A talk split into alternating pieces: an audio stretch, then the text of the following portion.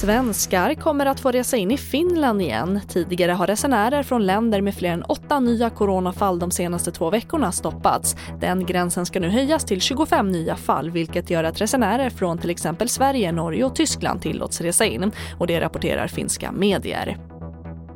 Och polisen fick under torsdagen in minst 38 anmälningar om trafikolyckor där rådjur, hjort eller älg var inblandade i Region Bergslagen som innefattar Örebro, Värmland och Dalarnas län. Och polisen skriver på sin hemsida att det finns anledning till ökad uppmärksamhet gällande vilt på och intill vägarna.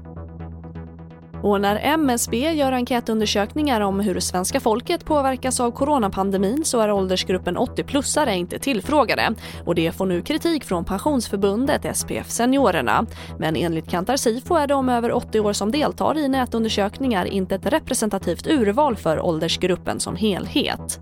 Det hade inte på stort sett förändrat bilden av eh, hur det ser ut i hela befolkningen om vi hade haft med 80 plus.